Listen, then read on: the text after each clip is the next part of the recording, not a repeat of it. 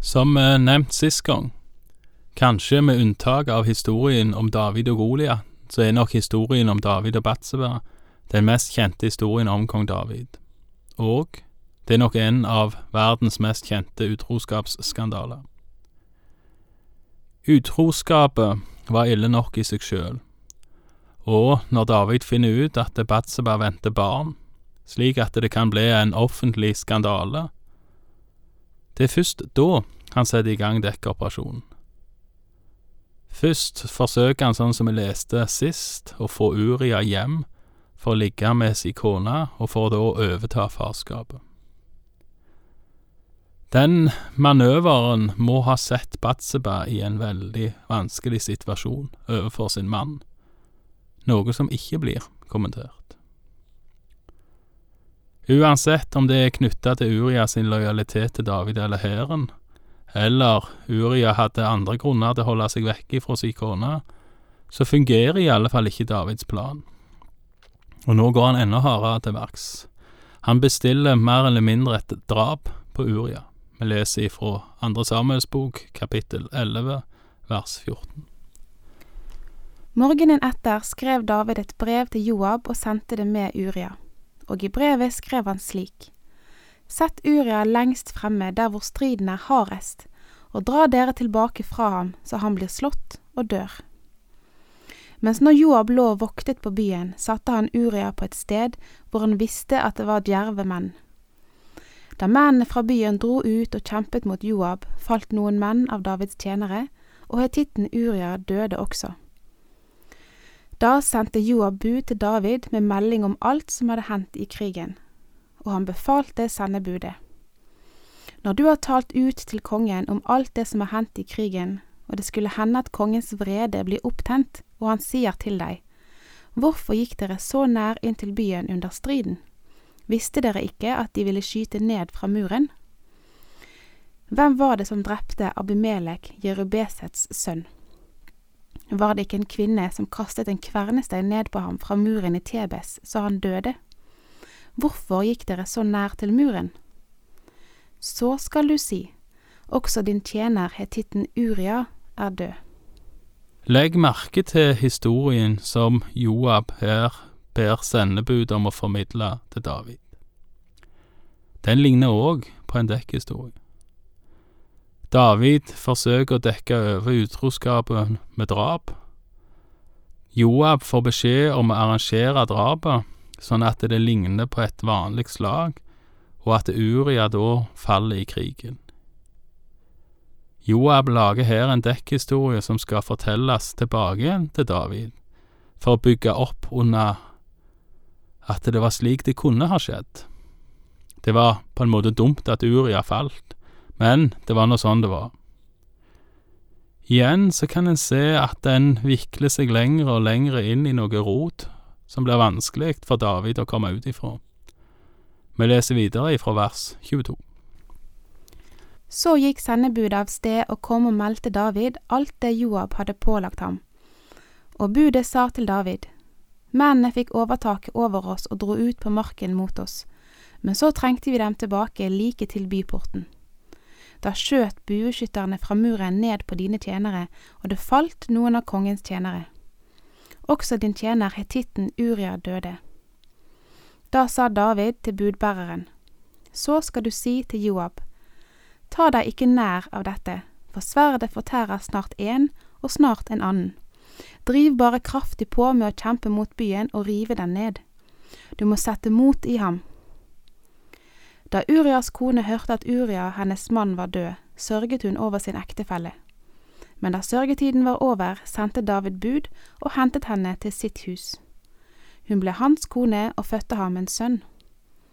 Men det som David hadde gjort, var ondt i Herrens øyne. Det er mange personers versjon av denne historien som ikke kommer klar fram i det som skrives. En av de er Joab. Joab var Davids fremste kriger, eller fremste general, men òg en ganske egenrådig kar.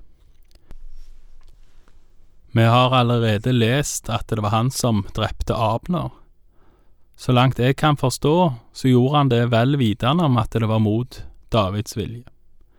Og som vi skal lese i det videre, så dreper òg Joab en av Davids sønner, Absalom, når Absalon gjør opprør mot David, og når da Absalon gjorde seg sjøl til konge.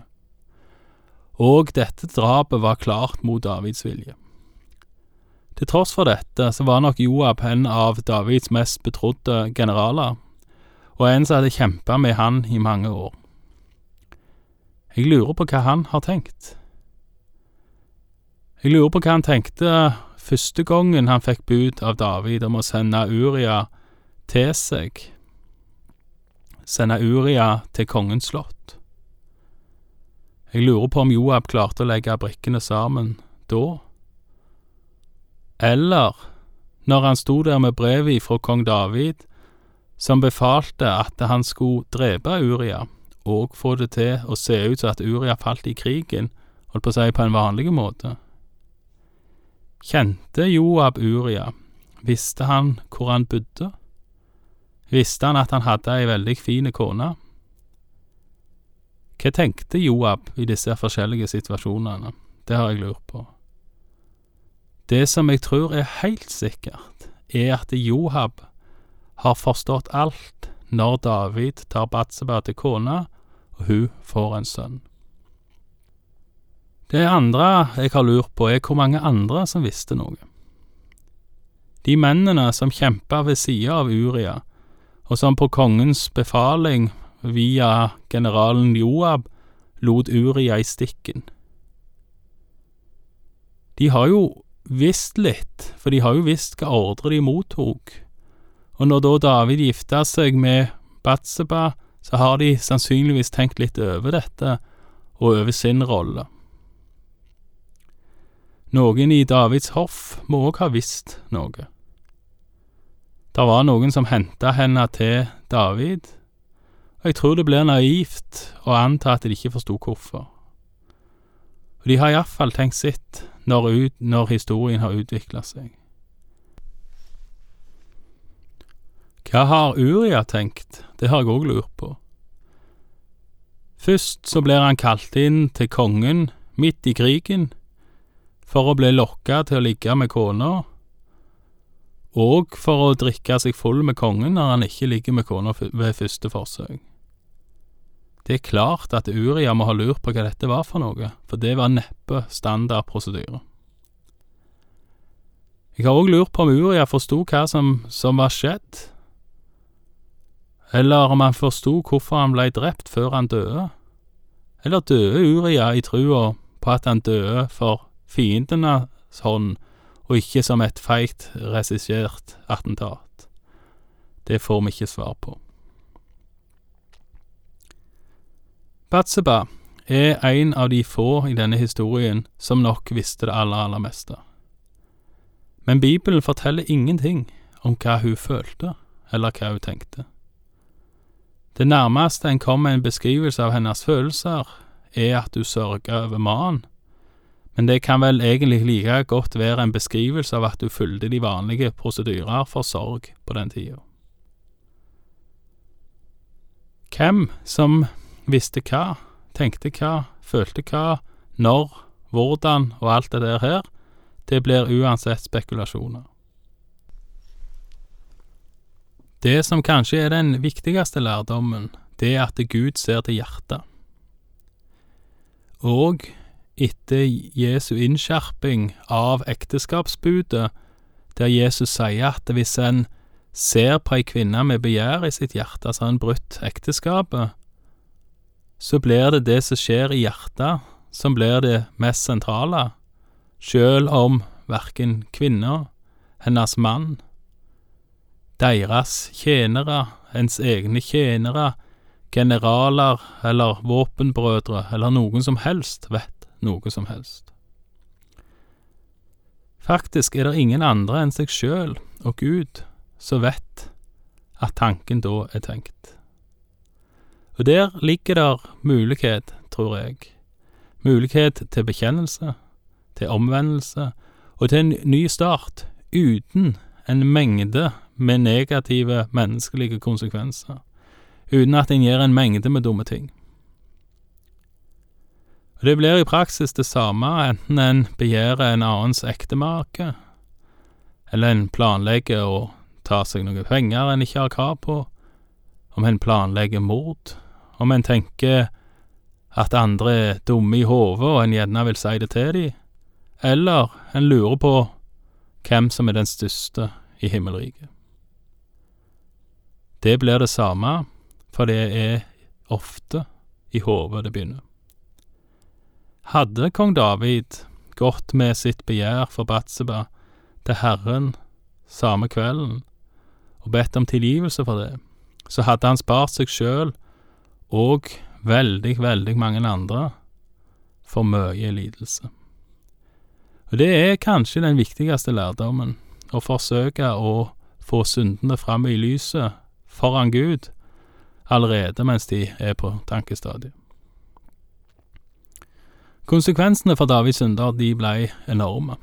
Han brøyt ekteskapet for Batseba og Uria. Han drepte sistnevnte, og han misbrukte sin makt i veldig mange relasjoner. Overfor tjenere, overfor generalen, og ikke minst overfor Batseba. David får tilgivelse etter han bekjenner. Det skal vi se på seinere. Men konsekvensene av Davids synd, og for hans egen del, henger over han heilt han dør. Det får vi komme tilbake igjen til seinere. Takk for i dag, og Herren være med deg.